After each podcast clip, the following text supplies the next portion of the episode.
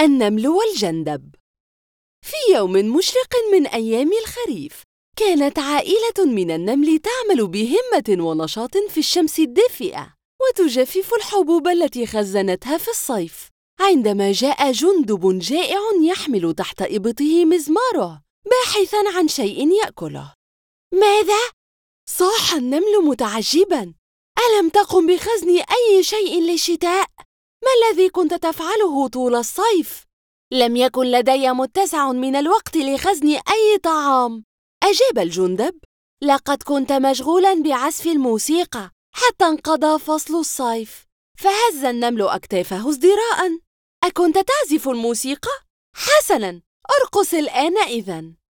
وأولوا ظهرهم للجندب وواصلوا عملهم. للجد وقت وللهزل وقت.